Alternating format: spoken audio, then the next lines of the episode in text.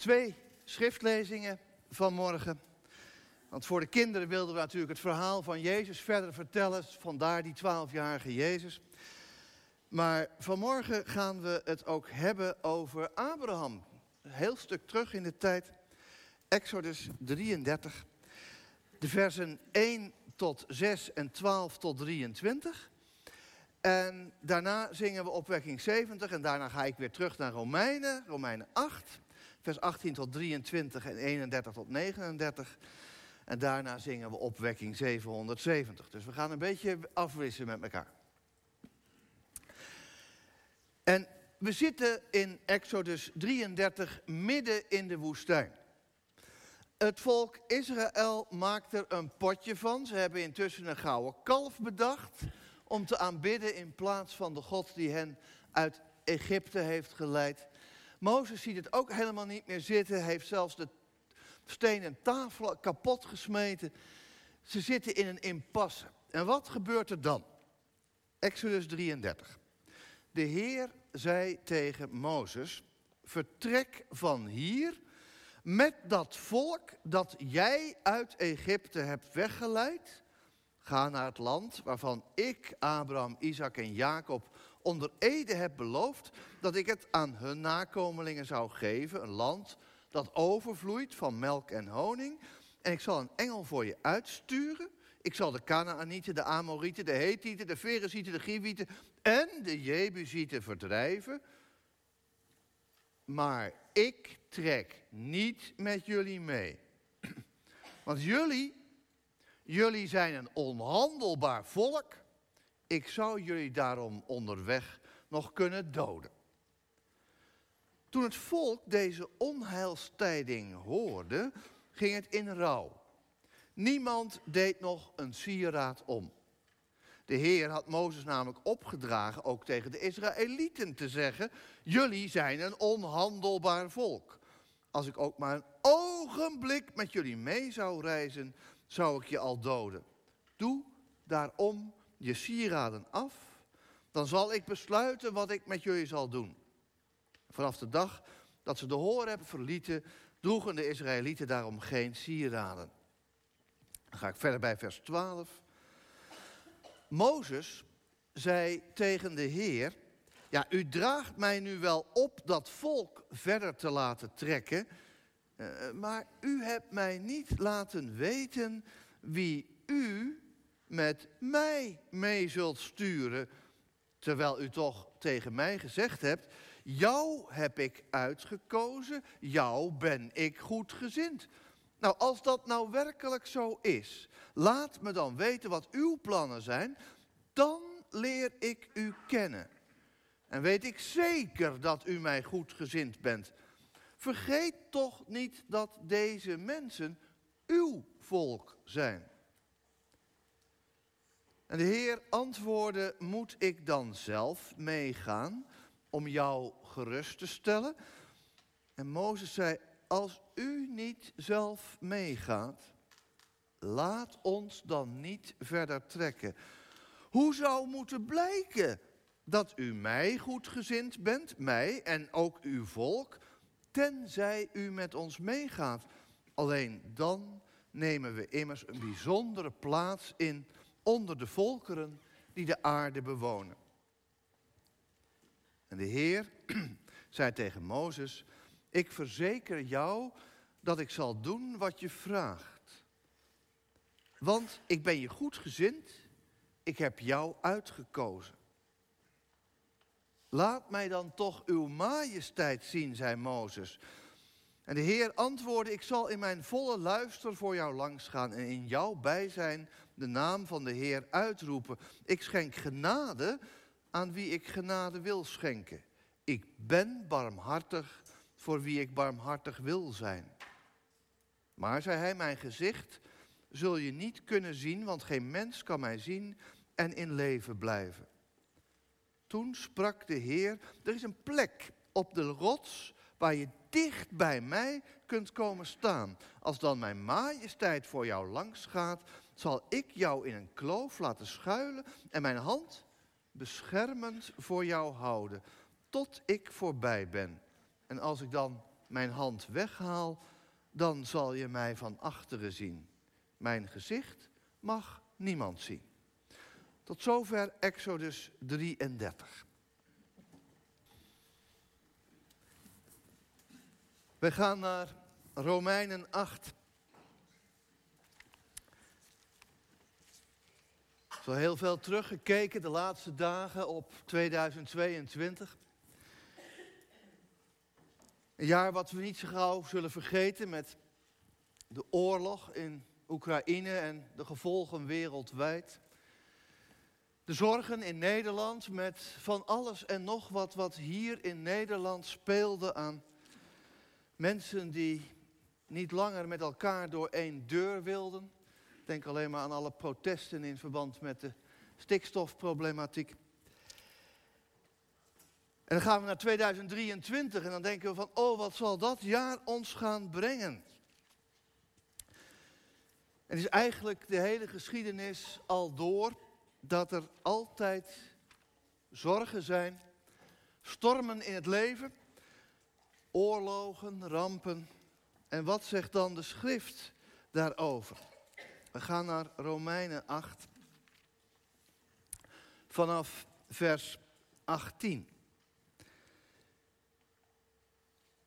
Paulus schrijft daar al 2000 jaar geleden over zijn tijd en zijn situatie. Ik ben ervan overtuigd dat het lijden van deze tijd in geen verhouding staat tot de luister die ons in de toekomst zal worden geopenbaard. De schepping ziet er rijkhalzend naar uit dat de luister van Gods kinderen openbaar wordt. Want de schepping is ten prooi aan zinloosheid. Denk maar aan zo'n zinloze oorlog bijvoorbeeld. Zinloosheid. Niet uit eigen wil, maar door hem die haar daaraan heeft onderworpen. Maar er is hoop, omdat ook de schepping zelf zal worden bevrijd uit de slavernij van vergankelijkheid en zal delen in de vrijheid en de luister die aan Gods kinderen geschonken wordt. Wij weten dat de hele schepping nog altijd als in barensweeën zucht en lijdt.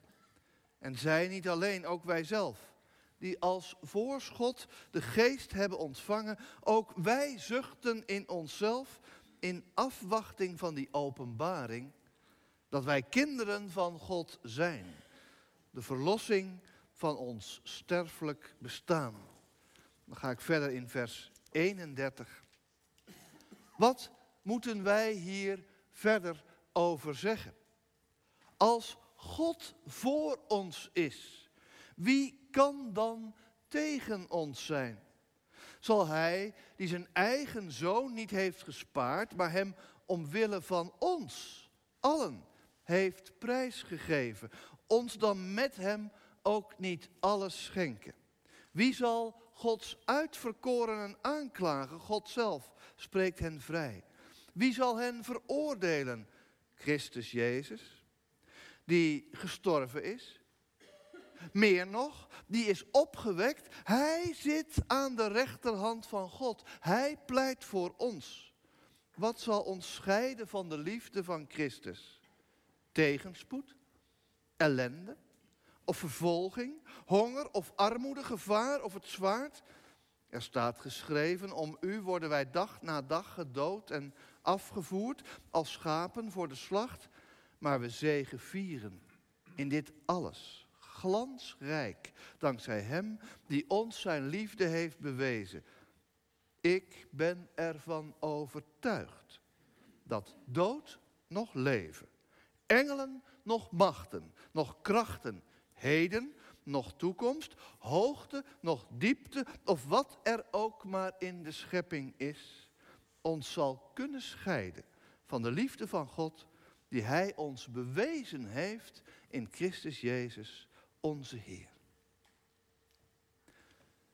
En die belofte van onze God, die klinkt ook fantastisch in dat nieuwe lied van Sela, ik zal er zijn. Gemeente van onze Heer, Jezus Christus. Mozes weigert verder te trekken met dat volk, behalve als de Heer zelf met hen meegaat. Nou, dat is een prachtige tekst voor het nieuwe jaar, dacht ik. Exodus 33, vers 15. Als u niet meegaat, laat ons niet verder trekken. Ook in 23 hebben we Gods steun en leiding heel hard nodig. Het is ook een mooi geloofsgetuigenis. Zonder u blijven we liever steken in onze kerstvakantie. En gaan in januari niet meer aan de slag. Klinkt goed. Ook al kunnen we niet verhinderen dat dat werk van januari toch echt weer op ons wacht. Net zo min als Mozes had kunnen verhinderen dat God zich inderdaad terugtrok van het volk. Als hij dat echt had gewild. Nou, tot zover de tekstkeus. En als dominee moet je je dan gaan verdiepen in die tekst. Nou, dat is een stuk minder positief. Als wij onszelf willen inlezen vanmorgen in dat verhaal van een volk dat op weg is en wil zijn met God. Nou ja, dat volk Israël blijkt God net vervangen te hebben door dat gouden kalf. En Mozes. Mozes heeft de tien geboden stuk gesmeten. En de Levieten hebben net een moordpartij aangericht onder hun volksgenoten. En in zo'n puinhoop zegt God dan tegen Mozes: Je zoekt het verder zelf maar uit. Ik zal nog een laatste dienst bewijzen met een engel die wat ruimte voor jullie zal maken in het beloofde land. Want ja, dat heb ik nou eenmaal ooit beloofd aan Abraham, Isaac en Jacob. Dat waren me tenminste een geloofshelden. Maar van het verbond met hun nageslacht komt helemaal niks meer. Want ze maken er toch telkens een potje van. En dan zal ik ze weer moeten straffen. Ik brand mijn vingers er verder niet aan. Ik neem afstand. Dat is een mooie situatie hoor, om je in 23 aan te spiegelen. Daar in de woestijn dienden de mensen liever een gouden kalf, dat ze konden zien en vastpakken, dan een God naar wie ze alleen maar moesten luisteren. En die God is dan ook nog een God die het verbond opzegt. Als wij op de drempel van 23 naar ons eigen leven kijken, eerlijk gezegd, dan hebben we allemaal ook ons kalfje wel op stal staan. Zoals dat zijn. De voetbal, waar alles voor moest wijken. Oh, oh, wat hadden we de mond vol over Qatar het laatste jaar. Maar toen die bal eenmaal rolde, zat Nederland toch aan de buis gekluisterd. Een kalfje op stal. Het meisje dat jongens om haar vingers wint. Het kleinkind waarvoor niks te goed is. De fles of het geld. Seksualiteit. Overdreven sportbeoefening. De politiek. Een gekwetst gevoel van eigenwaarde. Of een stuk verdriet wat je maar niet los kunt of wilt laten. Het wordt gekoesterd. Ons werk, dat volmaakt moet zijn. Of de lieve vrede wil waar recht en waarheid aan wordt opgeofferd. Als we het maar goed hebben met elkaar. De, je auto, het huis. Of zelfs de vorm waarin wij gewend zijn om ons geloof te beleven, kan een gouden kalf worden. Psalmen. Ik zei vanmorgen van ja, hoe was het gisteravond? Nou, zei Pim, we hebben nog Psalm 90 gezongen hoor. Ik zeg van nou, ik doe vanmorgen Psalm 100. Maar zijn we niet meer zo gewend hier in Kruispunt? Je kunt ook zeggen op een gegeven moment van ja, we willen alleen maar opwekking zingen. Of Hillsong. Eh, je kunt een korte dienst willen. Of juist een hele lange. Eh, de Bijbelvertaling, oh, die mag eigenlijk niet al te simpel worden hoor. Op de drempel van 2023, we hebben allemaal onze gouden kalveren. En dan worden we gevraagd of we die een plek willen wijzen in het jaar dat komt. De sport, je hobby's, je passie voor kunst of cultuur of voor een medemens, het werk dat je zo graag doet. En we mogen ze nog gerust in onze stal houden hoor. We hoeven niet alles op te geven, nee. Maar dat gouden randje, dat we er alles voor laten wijken, dat moet betwist kunnen worden. Wat leert ons onze tekst als God zegt, zie je nou wel Mozes, dit is nou een volk dat gouden kalveren maakt. Als het niet op het ene moment is, dan doen ze het op het andere. Mozes spreekt het niet tegen, het klopt. Wij, u en ik zijn geen haar beter. We waren niet volmaakt. En het spijt me voor u te moeten zeggen, maar in 23 bent u ook niet volmaakt. En ik ook niet. Dan leven we in een wereld vol moeite. Volgens Romeinen 8 als in barensweeën. Nou, er zitten heel wat vrouwen in de zaal. En ik heb er als echtgenoot vier keer naast mogen zitten. Barensweeën zijn niet leuk. Maar toch, spreken we uit dat we de hulp verwachten in die wereld die in barensweeën is. Dat er een Heer is die hemel en aarde gemaakt heeft en niet laat varen het werk dat zijn hand begon. Maar kunnen we daar wel op rekenen? Want in Exodus 33 dreigt er iemand ontslag te nemen. Want Mozes krijgt te horen dat God zich terugtrekt. Hij zegt zelfs, vertrek van hier met dat volk dat jij uit het land Egypte hebt geleid. Nou, als Mozes een Nederlander was geweest, dan had hij gezegd, nou breek mijn klomp. Het volk dat ik uit Egypte heb geleid, u hebt mij gedwongen om naar de farao te gaan. Had me met rust gelaten, dan liep ik nou nog vredig achter de schaapjes van mijn schoonvader Jethro aan. Is het nu het misgaat opeens mijn volk en niet meer dat van u? We horen de echo van een moeder die tegen een vader zegt, zegt die zoon van jou, die heeft een ruit gebroken, maar onze An, oh die heeft zo'n mooi rapport. Mozes zit tussen twee vuren. Hij heeft de grootste moeite om dat volk een beetje in het gareel te houden. En nu laat de opdrachtgever hem ook nog vallen als een baksteen. Maar Mozes staat het de Heer niet toe. Hij beroept zich op het feit dat ze toch genade hadden gevonden in Gods ogen. In de MBV 21, de nieuwste Bijbelvertaling, staat dat God hen goed gezind is. Dat is een nieuwe vertaling voor dat ouderwetse woord genade, waar ik toch wel op gesteld ben. En wat is dat voor een gezindheid als daar, die niet eens tegen een stootje kan? Genade is onverdiende gunst, gratis en voor niks. Als je iets gratis uitdeelt, kun je toch ook niet terugtrekken. Het is een ongehoorzaam volk, dat klopt. Maar het is nog wel dat volk waarvoor u zelf gekozen hebt om er verantwoordelijk voor te willen zijn. Hoe zullen die andere volken rondom ons weten wat het is dat er een God is die een verbond sluit met mensen als u het opzegt? Want anders zijn wij gewoon een volk als alle andere volken. U bent het aan uw eer verplicht om het werk dat uw hand begon ook af te maken. En zo pleit Mozes. En hij gaat zelfs nog een stap verder. Hebt u niet gezegd dat u mij, Mozes, hebt uitgekozen, letterlijk bij name wilde kennen? Kennen is in het Hebreeuws meer dan dat je de feitjes op een rijtje hebt. Als je het dossier kent.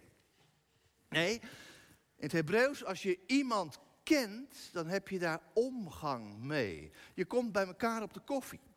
En de Heer had Mozes uitgekozen om hem heel persoonlijk met hem om te gaan. En dan zegt Mozes, nou u hebt mij gezegd dat u mij wilde kennen. U wilde bij mij op de koffie. Nou maak mij dan nu maar uw wegen bekend, want dan leer ik u pas kennen. Zoals u zich nu opstelt, ken ik u niet. En hoe kunnen we de kennismaking voortzetten als u zich losmaakt van het volk waartoe u mij als leider hebt benoemd? Waaraan ik trouw blijf, al hebben ze het inderdaad niet verdiend. Bedenk toch dat die mensen in de eerste plaats uw volk zijn. Als ik trouw blijf aan een klus waarom ik niet gevraagd had, moet u die daar vrijwillig wel voor koos, dan niet naast me staan? Het bijzondere is in het verhaal dat het notabene de allerhoogste, de almachtige is, die zich door Mozes, door een mens laat overtuigen. Hij neemt de argumenten van Mozes over. Ik zal doen wat jij vraagt, omdat ik jou goed gezind ben, jou genadig wil zijn en ik jou persoonlijk ken. De genade en het feit dat God en mens kennis aan elkaar hebben, verdienen het inderdaad dat ik betrouwbaar blijf. Al is de mens, dat volk, dat niet geweest. Mozes is een middelaar die pleit voor zijn mensen, zoals onze Heer Jezus dat later zal doen, als een brug tussen hemel en aarde. En wat mogen wij in het nieuwe jaar van dit verhaal meenemen? Laten we de les meenemen die Mozes blijkbaar aan God mocht spellen, dat Gods genade altijd onverdiend is. We hebben er geen recht op. Maar die genade is niet wispelturig. We mogen erop rekenen. We mogen er een beroep op doen. Omdat God zelf ons heeft toegezegd voor eeuwig een genadige God te zijn. Israël had berouw en toonde dat ook. Nou, dan moet God ook trouw zijn aan zichzelf en genade voor recht laten gaan.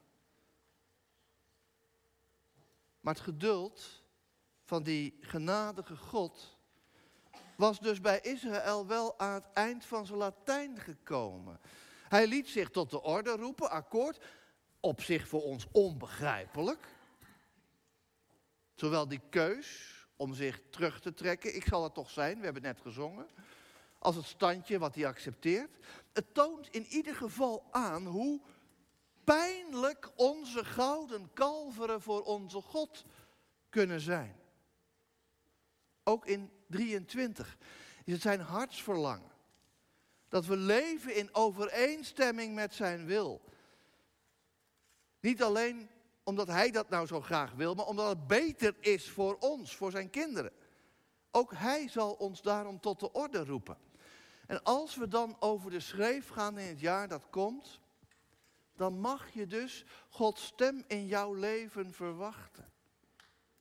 Maar dat is dan niet alleen een stem die ons aanklaagt, maar ook een die ons weer op het rechte pad wil brengen. Dat is ook een genadedienst van onze God. En inderdaad, Mozes besefte heel goed dat God zou toornen als hij zelf met het volk zou meegaan. Maar met dat risico zouden ze tenminste de eindbestemming bereiken. Als laatste toepassing.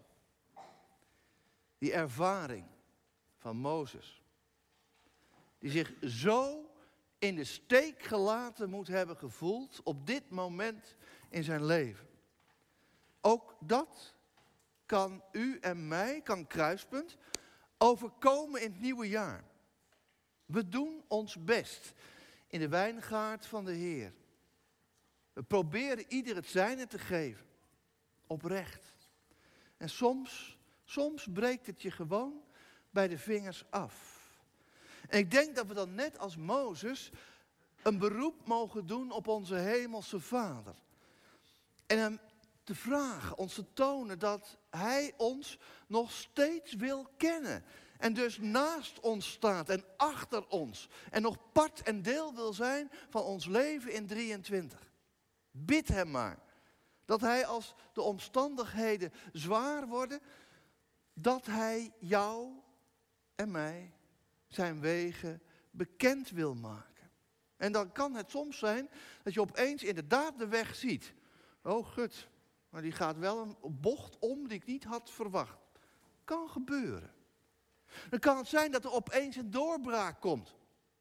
En het kan zijn dat het hijgen en puffen blijft en moeilijk is.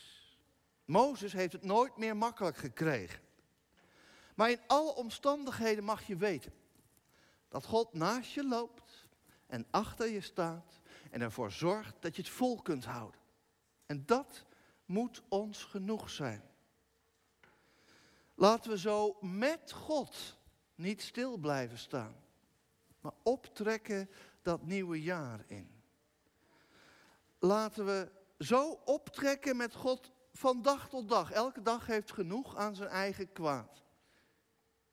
Opdat hij ons in dat kwaad gerust kan stellen en voeren op zijn wegen. Laten we hem telkens bestormen met onze diepste verlangens.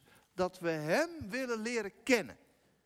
En herkennen in wat ons wacht in 23. Want met die apostel Paulus, Romeinen 8, zijn en blijven.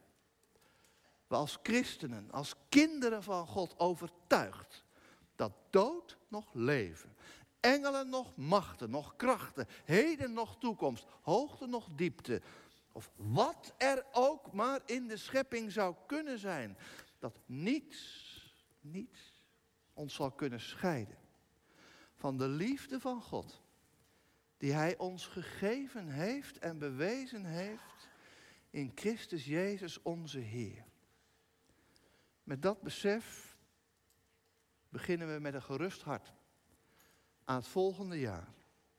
Wat er ook gaat gebeuren. Altijd zullen wij in de hand van God de Vader zijn. En verwachten we de verlossing van God de Zoon.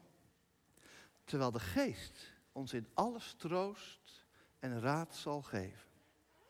Dat is mijn geloof voor het nieuwe jaar. Amen.